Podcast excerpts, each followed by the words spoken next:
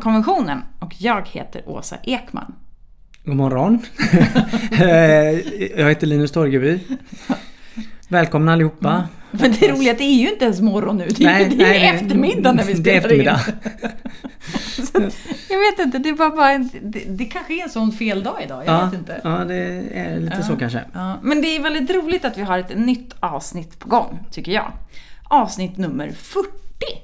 Ja, och ibland så blir det ju att vi måste ta mycket förprat kring vissa artiklar för att de inte är jättesvåra att förstå eller och, och och begripa sig på. Vi måste liksom resonera flera varv och det här var en sån artikel lite grann. Jo men lite så utifrån att det är så lätt, eftersom nu är, vi ska prata om artikel 25 som ju handlar om eh, när barn som av olika skäl är placerade eller omhändertagna så ska det ske uppföljning eh, och liksom utvärdering. Och det är ju väldigt lätt för oss, för det var lite det vi fastnade i hela tiden, att prata om liksom situationen istället när barn omhändertas. Och liksom alla de grejerna, men det är ju inte det, det här är liksom fokus på uppföljningen. Det är det vi ska egentligen fokusera på på idag.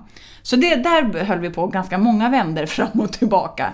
Ja. Um, och vi sa ju också i det här att det är väldigt mycket lättare tyvärr men också bra på sitt sätt att vi hittar ganska mycket när det är så krångel, när det, inte har gått, när det inte har varit uppföljning, när det inte har funkat, när det inte går bra. Mm, och det är väl på ett sätt förståeligt eftersom det ofta finns så mycket problem med. Då tror jag också att det smittar över i att man också ska titta på problemen väldigt mycket. Ehm, och, och, och eh, kanske hela situationen kring ett barn som har blivit omhändertaget har varit väldigt problemanstruket. Både kring som föräldraförmåga, kanske skolgången. Eh, Ohälsa. Ja, liksom. Missbruk, många grejer. Och Ehm, som har varit hinder för barnet men man har inte sett och det finns överlag inte liksom ett... Eh, ah, det är inte så vanligt att man tittar men vad har det här barnet för styrkor och sådär. Det kommer ofta liksom i andra hand men, men här finns ju också en, en, en, en sån grej att vi måste, för att ett barn ska få stöd på olika sätt eller uppmärksammas så måste man också trycka på svårigheterna och mm. problemen. Så att, mm. ja men det är verkligen eh, någonting som vi behöver vända på ja. om vi vill jobba med det här. Oh, ja. ja, och jag tänker så här, du har ju ändå varit både så här jourfamilj, liksom familjehem, du har jobbat på ett sånt här liksom HVB-hem, liksom hem för vård och behandling och stödboenden och alla möjliga grejer liksom. Jag tänker så här, vad är din lite uppfattning eller känsla kring då det här med liksom utvärdering slash uppföljningsdelen? Vad tänker du kring det? Um, en sak jag tänker är ju den här skillnaden på att det är vuxna som jobbar med det och sen är det barnets liv som pågår här och då liksom. Eh, mm. Och att det är en sån vanlig ehm, problematik som, som till exempel det här med att ja, men vi, vi ska boka ett möte till exempel med en socialsekreterare och då säger så kan vi ta det kvart över för jag har kafferast mellan 10 och kvart över. Och, och då, det blir en sån här okänslighet och en krock mellan att här pågår barnets eh, ett trauma eller en väldigt svår situation för barnet. Men det är fortsatt när barnet kanske har en lektion? Ja precis. Mm. Ja men att det finns liksom inte en anpassning och tidsaspekten ett halvår för ett vuxenliv är väldigt, ja men det, det går liksom. Medan för ett barn är det liksom Ja, då missar man en, som du sa, en hel kurs i skolan eller man kanske tappar eh, hela sin liksom idrottsaktivitet, att man tappar så mycket. Det, det tycker jag är en sån vanlig grej. Sen tycker jag också att eh, Ibland så utnyttjar man inte det enkla uppföljningssystemet, alltså det här som är det kontinuerliga samtalet, möten, korta sms. Mm. Utan att det blir väldigt ofta uppbyggt kring nu ska vi ha ett stort möte liksom. Och i det så låser sig, en stor grej ja, liksom. I det så låser mm. sig kanske barnet eller barnet är jättetrött på att ha möten eller vill inte prata om det här svåra av förståeliga anledningar. Men, men då lyckas man inte komma runt det genom att ta små doser av det. Mm. Um. Hur ofta tycker du liksom, jag tänker så här, nu är det så att ja, men då har jag kafferaster typ. Hur ofta sker de här på ja, men så här, med så här, kvällar och helger och sånt? Hur ofta sker de där? Ja men det, det är väl i stort sett aldrig. Är det så? vad, jag har varit med om. Ehm, det kan vara precis i skarven till då pe- personal eller mm, socialsekreterare ska gå hem. Eh, då kan det vara så. Men det är väldigt sällan som man faktiskt frågar barnet När passar det dig att ses liksom? När skulle du vilja träffas? Eller hur skulle du vilja ha det? När är du... När funkar det bäst för dig? Var vill du vara liksom? Nu, nu är jag lite hård här. Men, men, men jag tycker Men nu att vil- frågade jag om dina ja, erfarenheter Villkoren också. är väldigt sällan eh, från barnets håll. Mm. Ehm, och sen, sen har man ju en tidsaxel som är bestämd utifrån liksom lagar och förordningar med liksom hur ska uppföljning ske? När ska man se över den här ehm, planen? Och barnets upplevelse av det tycker jag ofta kan vara att ja, man ser det som ja, men en sex månaders cykel och allt byggs upp till ett beslut som ska tas då. Och det blir väldigt mycket ja, men, trappsteg och så faller man ner i det igen och så ska det byggas upp. Alltså det, tiden blir väldigt eh, upphackad också. Ehm, och den blir liksom inte... Ja, jag, jag förstår att barnet kan säga att ja, jag ser min framtid fram till mars. För då vet jag att det får ett nytt, då får jag ett nytt beslut som kan förändra att antingen kan få stanna här eller så får jag gå in på en öppen avdelning eller så måste jag flytta hem och vad händer då? Kommer vi få stöd hemma? Alltså sådär. Ehm, Att det är svårt att tänka kanske långsiktigt Ja, liksom, men lite framtid så. att det är Ja. liksom ja. Jag har det här choket nu liksom. Mm. Att, att det blir liksom en väldigt... ehm, ehm, ja. Även om man inte ska behöva tänka jättelångt fram så, så, så är det ändå jobbigt att man bara ser ett mörker efter ett visst datum. Mm. Så. Mm. Ehm. Men sen nu så ska vi ha en utvärdering av en placering som vi haft så det känns jätteroligt faktiskt. Ehm, och det är väl det som Det är väl sådana grejer som man måste hålla i också. Att orka ta den här utvärderingen och nersittningen när ett barn flyttar ut. Och det tänker jag också med personal. Alltså, att, att den feedbacken som barnet ger på placeringen ska liksom tas, tas om hand om. Så att den översynen också blir riktig liksom. Ja, men jag tänker det är där i de lägena också det blir så himla viktigt med all form av så dokumentation, de här pappersgrejerna liksom. Ja. Alltså det är så himla viktigt att man för in det här i, i sitt eh, systematiska kvalitetsarbete som vi kan ibland vilja Men alltså att någonstans att det faktiskt kommer fram så att vi använder oss av det. Så att det är inte uppföljning för uppföljningens skull utan att det faktiskt också ska använda oss av det som framkommer. Och här, och här tänker jag bara att här vet vi ju Har du haft utvecklingssamtal på jobbet? Ja, det har jag haft. Nej men och här, är- jag, det är återigen att vi kan vända på det och tänka på men hur Hur ser det här ut för en själv? Alltså när man har utvecklingssamtal på jobbet då vet man att ja, men mestadels får man bra respons och du har gjort det här bra och vart vill du hamna sen? Och, så här, och sen finns det kanske en eller två små negativa grejer som man ofta vet om. Tänk dig att du är barn och, och, och, och, och man ska göra ett översyn av ditt liv där allting är helt åt peppan. Alltså det är en väldigt tung process att gå in i. Ehm, och Som vi måste jobba upp så att den inte blir så tung. Ja men och det tänker jag, det är väl också, jag vet inte hur många rapporter en har läst där barnen berättar att de beskriver sig själva som ett problem. Alltså att de upplever att alla andra människor tycker ju att ja, nu ska vi ha den här grejen igen, nu ska vi göra det här igen, nu är det här att barnen därför upplever, sig själva som liksom, ja här är jag en påse pengar, eller här är jag ett stort problem som bara flyttar runt liksom. Eh, Så det tänker jag är väl en jätteviktig aspekt att ha med sig i att jag både ser det som är det svåra men också ha med sig det som faktiskt Hur kan vi nu möjliggöra för barnet att liksom ha lite hopp om framtiden till exempel? Att kunna drömma framåt, att kunna se framåt och att också se ens utveckling. Alltså att det inte bara förhoppningsvis nattsvart. Nej, precis. Men ja, Ja, ja, ja. För där tänker jag, tänk... Och, och, och- där är det också svårt, jag menar, som i, i, när man är familjehem eller personal på ett boende, så är det någonting du vill förändra. Alltså även hur öppen man än är. Och om du relaterar till det när man eh, sitter med en chef eller någonting. Att, att chefen säger, men säg, hur är jag som chef? Är det någonting jag behöver förbättra? Nej, nej men när, när chefen säger det. Är det någonting du vill att jag ska förbättra? Även om man har tre tankar, att pressa fram de grejerna Exakt. Ja. är inte alltid jättelätt för alla människor liksom. Nej, för det handlar om en maktposition. ja. Precis. Mm. Tänk när du hamnar då i den maktpositionen att du är hos en familj och de säger Hur vill du ha det? Hur, vad trivs du? Hur mår du? Tycker du? Alltså så. Det är ganska vanligt att det blir så här Ni borde ju laga godare mat eller kan jag få vara uppe en halvtimme? Alltså det blir frågor som är lite ofarliga så. Precis som man själv säger till sin chef. Det är det som är fördelen med att vara egen. Jag har, jag har samtal med mig själv. Jag får så jäkla bra svar då. Ja. Jag tänker vi... Mm. Ska vi läsa artikeln eller? Har vi Ja gjort men det? gud, nej men det har vi inte gjort. Nej. Ja, nej men shit. Eh, gör du det eller? Ja, det kan jag. Har du den framför dig? Ja, den är Yes. ganska kort. Ja. Ehm, och då står det så här. Översyn av barninstitutioner.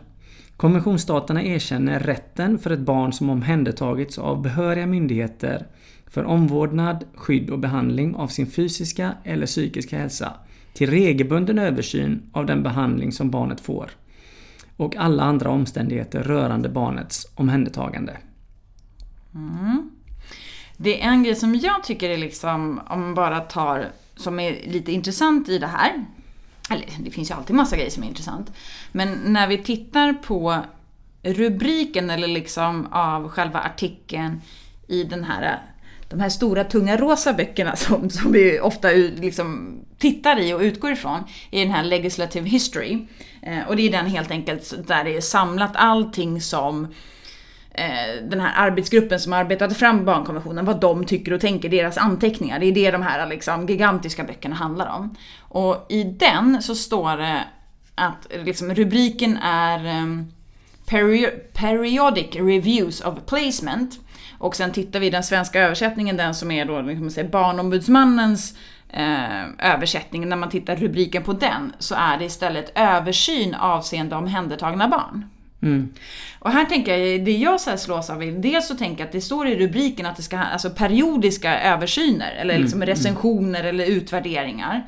Det vill säga att det ska ske kontinuerligt hela tiden liksom. Medan i den svenska så står det bara då, nu pratar vi bara i och för sig i rubriken, men jag tänker rubriker är viktigt ändå. Då står det bara översyn och så avseende omhändertagna barn. Återigen, inte så barn som omhändertagits eller liksom, utan det är ju då och hur, hur vi benämner barn. Men det tycker jag är en, ändå en intressant aspekt. Mm, mm. Um, sen om vi liksom det som, den här artikeln var benämnd först som artikel 12 och var med liksom ganska tidigt i diskussionen ändå. Och då var det liksom framförallt USA egentligen som, som la det här förslaget. Och det de menade också är att det här handlar ju om liksom där det är staten eller liksom myndigheter som har omhändertagit eller placerat barn, inte när det är liksom vårdnadshavare som gör det. Eh, utan att det är, liksom, det är staten som är i fokus kring det här, att det är det som är det viktiga. Sen har man liksom Ja, det har ju varit ganska mycket länder som var, diskuterade det här, eller ganska mycket, men ett gäng i alla fall. Men mestadels är ju liksom typ västvärlden som diskuterade den här artikeln. Kan man väl säga. Men det är också så att det ska vara uppföljning, det ska inte vara liksom egentligen vem som helst utan de menar på att det ska vara någon form av kompetent juridisk eller administrativ myndighet som gör det. Mm. Så, så det var väl lite kortfattat om vad, vad man sa då, helt enkelt. Och här har det ju varit ett eh, fall ganska nyligen eh, här i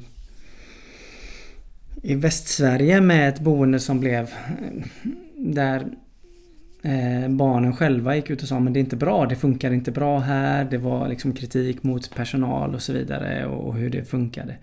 Och när IVO då som är den eh, tillsynsmyndigheten som ska granska då, när de kom på besök. Inspektionen för vård och omsorg. Mm. När de kom och skulle kolla på det så, ehm, så tog man de här flick, barnen som man visste var ehm, kritiska. Då tog man dem på utflykt så att de fick inte Va? träffa den här personalen. Är det sant? Ja, så där, där, där finns en eh, dokumentär på P4 att lyssna på. Och, och, och här blir det ju då igen då om man tänker de här som har tagit modet till sig att Mm. verkligen våga vilja berätta mot någon som har dem då Mm. mer eller mindre inlåsta.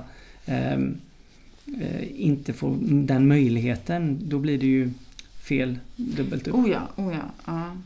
Och om man bara tittar på liksom, det finns ju lite olika former. Man brukar säga att antingen så har vi en sån heldygnsinsats eller så är det mer liksom en eh, behovsprövad öppenvårdsinsats. Men Um, ungefär 30 000 barn och unga, eller 31 000, uh, fick en sån heldygnsinsats då förra året. Uh, och det var närmare 35 000 barn som fick sån behovsprövad öppenvård.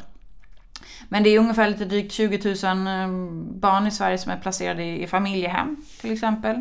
Um, och sen så är det det här uh, hem för vård eller boende, HVB-hem, som är näst vanligast. Och det är oftast, alltså det är mer uh, pojkar än flickor. Mm. Är det. Jag, jag tänker också att det handlar ju både om liksom för jag tänker det här med att det står omhändertagen och då är det ju på något sätt Det kan ju vara i någon slags frivillighet fast ändå inte. Alltså barnet Alltså möjligheten är ju verkligen eh, Vad ska man säga? Det är inte alltid lätt för barnet att liksom säga. Det är inte en lätt situation. Och det är inte alltid en lätt situation för föräldrarna heller. Utan man ser den här att lämna över ett barn till myndigheterna eh, blir eh, ja, det blir inget val egentligen. Mm. Så. Mm. Sen tänker jag också för den som vill liksom läsa mer så Barnombudsmannens eh, årsrapport för 2019 eh, handlar just om barns olika röster om att då växa upp i den här sociala barnavården. Den heter Vem bryr sig? När samhället blir förälder. Och de lyfter ju ett par olika saker som egentligen inte är några nyheter. Det är det här som jag kan tycka är så jävla konstigt att vi de här bristerna som finns och liksom de här sakerna som man påtalat, det har man ju påtalat under väldigt, väldigt många år. Ehm, men ändå så säger de, ja men till exempel vi vet att ehm, det är barn då som är i samhällets vård har liksom sämre hälsa, det är sämre skolresultat eh, och det är liksom ökade risker för kriminalitet, missbruk och så vidare. Och att man liksom... Det här vet vi och ändå lyckas vi inte. Men nu är vi inne igen på, det är uppföljning vi ska prata om. Ja, nej, men, nej men det är väl verkligen så att man tänker barn på institutioner. Det har ju varit liksom den här känslan av att, ja men hur var det på 50-talet när man bodde på barnhem och då institutionsplacerades alla barn med funktionsnedsättning eller, ja men du vet. Och, mm. och, och, så blir det på något sätt att vi tittar bakåt och säger, fy vad hemskt det var då, vad bra det har blivit nu. Mm. Och samtidigt så då så är vi inte, har vi inte de instrumenten att utvärdera och följa upp hela, hela, hela tiden. Så. Mm. Um. En intressant aspekt som jag hörde bara här i häromdagen var eh, en person som jobbar med just placerade barn som, eh, som beskrev det som att, att vi gör skillnad på barn och barn. Att det har liksom varit ganska mycket, när det har varit liksom familjehem generellt eller liksom på olika sätt så har vi varit väldigt duktiga på att göra ändå regelbundna Oftast ganska duktiga på att göra regelbundna uppföljningar och utvärderingar. Och sen eh, när det kom väldigt många eh, barn som hade flytt liksom, eh, och kom till Sverige för ett antal år sedan och när sen, sen då helt plötsligt så när de hade blivit 18 så bara droppar man allt. Och ja. att de barnen ju inte fick någon som helst uppföljning liksom om man, medans andra barn har liksom följt liksom efter 18, gärna upp till 20, att man pratar om liksom det, medans där blir det en väldigt tydlig skillnad. Medan nu då, när vi under ett antal år har ja, men verkligen så släppt barn då som hade kommit till Sverige, uh, släppt dem så fort de är 18 och det börjar liksom spilla över lite på andra placerade barn. Att vi liksom tappar den. Det var liksom den personens reflektion kring hur vi jobbar med uppföljning liksom generellt. Mm. Du satt och nickade väldigt mycket när jag sa det. Nej, för jag tänkte på det här med uppföljning och sådär och det är klart att uppföljningen kan ju bli lite fattig om man bara tar på vissa kriterier. Alltså att Ehm, som jag tänker på det här med eh, eh, barn som kom ensamma, de boendena. Där man tänkte, ja men det viktigaste är att det, prio är att lära sig språket och asylutredningen. Och, och om man inte har liksom bredden av, av barnkonventionens alla rättigheter då blir det ju fattigt. Och då blir det fattigt att följa upp på. Mm. Och samma med barn som liksom eh, kanske omhändertas på liksom på, på grund av liksom föräldrars kriminalitet eller missbruk eller sådär. Då blir det att man tittar kanske bara på om man är föräldrarna mogna att ta emot, ta hem barnet igen eller har barnet slutat med eh, droger eller vad det är. Men man tittar inte på alla de andra faktorerna som våld, eh, rehabilitering, eh, utbildningsmöjligheter och, och därför blir också översynen fattig eftersom man inte gör en översyn på bredden av alla rättigheter. Eh, så. Mm. Eh, mm. Ja, det här med att ja, men nu slutade barnet med den här fritidsaktiviteten när den var 11 och så sen så helt plötsligt när den är 13 så hamnar den i helt fel. Ja men det vi kanske ska satsa jättemycket på är att den får komma tillbaka och börja med innebandy eller eh, ridning eller cheerleading eller mm. vad det nu är. Det kanske är den stora behandlingen vi behöver göra. Så barnrättsperspektivet på, eller ska vi börja med lite barns röster kanske om det här? Men jag tänker annars så, det vi ska vi försöka säga någonting om eller avsluta med är barnrättsperspektivet på en sån här uppföljning. Vad skulle det kunna vara? Men när vi då satt och letade så hittade vi ändå några sådana här positiva. Eh, en bok som jag har och tittat i heter Utsatthetens röster. Eh, som egentligen handlar om då barn och unga i samhällsvård där det är alltså, ungdomarna pratar om sin egna självbild av att ha levt i olika former av utsatthet och liksom hur samhället har sett dem som någon slags problematisk eh, kategori av lite olika slag. Men eh, då är det i alla fall en tjej som, där de pratar om att den här tjejen ska flytta från sitt boende eh, om två månader. Och då säger hon så här. Ja, jag längtar. Jag vill kunna träffa kompisar och bara få vara mig själv. För att man är aldrig sig själv direkt så här när man bor. Alltså det är ju regler att följa. Då är man inne i den där fyrkanten igen. Vad fan, jag kan inte ringa mina kompisar mitt i natten om inte jag kan sova en kväll. Det gör jag ju om jag är hemma. Jag kommer verkligen få leva på riktigt så egentligen. Och det har jag inte gjort på länge. Eller jag har väl aldrig gjort det egentligen. Det sa Veronica om att längta efter att få lämna. Mm. Um, och här, SIS har en... en eh, Vad är SIS?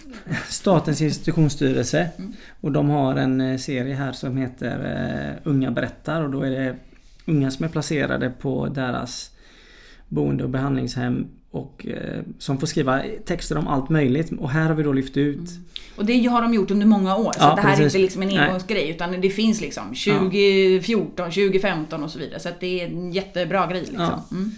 Och, och mm, det som vi funderar på kring detta var just artikel 6, alltså det här med utveckling. Att känna mm. att det händer någonting också eh, som är liksom positivt och att prioritera det i, i de här översynen också.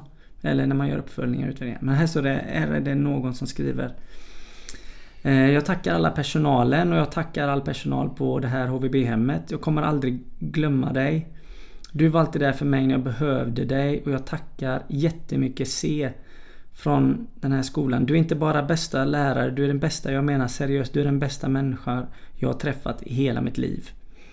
Alltså både liksom hela det här Viktiga stället vuxna. och mm. sen också enskilda mm. vuxna. Mm.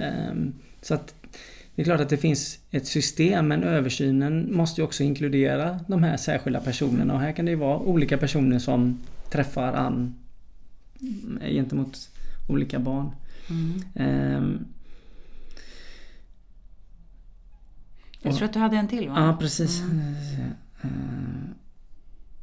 Ja men liksom det handlar ju också om att i den här uppföljningen är, är också lite så att, ja men att barnet ska kunna få se sin livshistoria, att förstå sin situation, men mm. kanske också få stöd i att liksom begripa och se hur, liksom, hur den kan må bra och faktiskt kunna se framtiden, hopp om framtiden. Vad är det liksom barnet självt behöver? Mm. Och här står ändå, äh, här skriver en, en, eh, en tjej, jag har blivit jag hade blivit paranoid, sprutnarkoman, knarkare och kriminell. Allt som visades positivt på stickan och negativt i mina papper. Så som jag trodde var mina fiender, men jag hade så fel som bara ville ju bara hjälpa mig.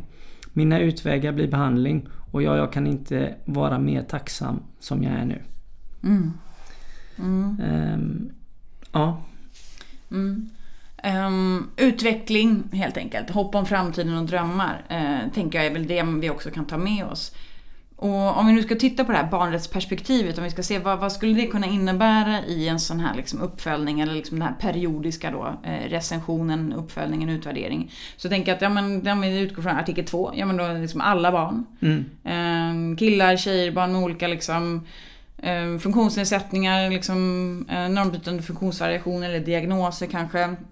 Barn, olika åldrar. Att det här inte kommer, behöver, får liksom inte ske extremt olika beroende på vart i Sverige barnet mm. råkar finnas. Um, utan att det ska ju finnas liksom, att det ska vara att alla, alltså helt enkelt att alla barn ges möjlighet att, att få den här liksom granskningen, mm. så att säga. Ja, och bryta ner den här regelbundenheten så att den inte bara blir halvårsvis som den ofta är. Eller fyra månader utan bryt ner det till liksom korta insatser som är veckovis också. Precis, och, det, och där blir det det barnet själv uttrycker ja. blir viktigt ja. i det liksom. Ja. Men tänk, det handlar ju också om någonstans, hela den här syftar ju till att se, är placeringen för barnets bästa? Har vi liksom tillgodosett barnets bästa i det här? Mm. Är det det? Det är liksom det, för att hela tiden aktualisera det. Men sen tänker jag också att det handlar ju om att i den här uppföljningen behöver vi se också hur har samverkan med olika aktörer funkat? Till mm. exempel när vi vet att barnens skolgång drabbas på så många olika sätt. Liksom. Um, men också utvecklingsfrågorna. Um, sen tänker jag också när det handlar om alltså att barnet ska kunna ge sin syn så krävs det så himla mycket förberedelse för de vuxna. Ja. Alltså det går ju inte bara att säga ja men hur trivs du nu, hur funkar det här? Utan det krävs ju både att de vuxna behöver förbereda barnet på massa olika sätt. Eh, och jag tänker i ett sånt här läge så är det ju många gånger som barnen kanske, ja men lite du var inne på när du pratade om det här med chefs, eh, alltså utvecklingssamtalet, att barnen ska ju aldrig riskera att få sanktioner. Alltså det ska, barnen ska ju aldrig liksom um, få det värre för att barnet berättar om dåliga saker. Mm. Och det finns ju lite så inneboende i att den är rädd för att den ska liksom straffas på något sätt för att den berättar om någonting som inte funkar. Um, så att jag tänker det handlar liksom om att förbereda barnet, att skapa de förutsättningarna så att barnet kan berätta. Och det tänker jag också så här, att men om det nu är på eh, liksom, ett boende liksom, och personalen finns runt omkring eller liksom familjen. Ja men vem är det vi pratar med först? Mm. För vad signalerar det om det är liksom att ja men nu ska jag börja med att prata med de vuxna här och kanske inte prata med barnet först liksom. Eh, eller att liksom hela tiden prata när de vuxna finns med eller personalen finns med. Vad är det jag kan dela liksom? Hur, hur skapar vi den här trygga miljön för barnet att, att faktiskt berätta? Ja, och det är ju jätteviktigt att barnet har flera goda kontakter med vuxna. Eh, och här finns det problematik kring liksom sekretess och sådana grejer. Men man måste jobba så att det finns flera luckor för barnet att liksom komma ut ur. Ehm, för det är ju fruktansvärt utsatt situation som de här barnen befinner sig i. Och ju mer låst det är desto, desto hårdare är mm. trycket på barnet. Mm. Mm. Så, och liksom också någonstans så upplever barnet att barnet får den stöden och det hjälpet som barnet behöver för att faktiskt eh, må bättre och utvecklas. Mm. Och jag tänker också i den här blir det också kanske kring varenda sån utvärderingssituation som finns, eller uppföljningssituation. Att vi då säkerställer att barnet vet vilka rättigheter barnet har. Ja, precis. Alltså, om vi inte vet vilka rättigheter vi har, hur ska vi då kunna använda oss av dem? Mm. Och ju mer utsatt situation barnet befinner sig i, desto viktigare blir det ju. Mm. Att berätta och förmedla de här rättigheterna och också ha strukturer där barnet själv kan eh, förmedla när någonting inte funkar eller när någonting funkar väldigt bra. Mm. Ehm, det är också någonting som Barnombudsmannen till exempel lyfter i den där rapporten, eh, från deras årsrapport, att de menar att vi måste hitta ja, men sätt för barnen då, alltså att föra fram sina klagomål vid olika former av rättighetskränkning och att barnen ska kunna få upprättelse.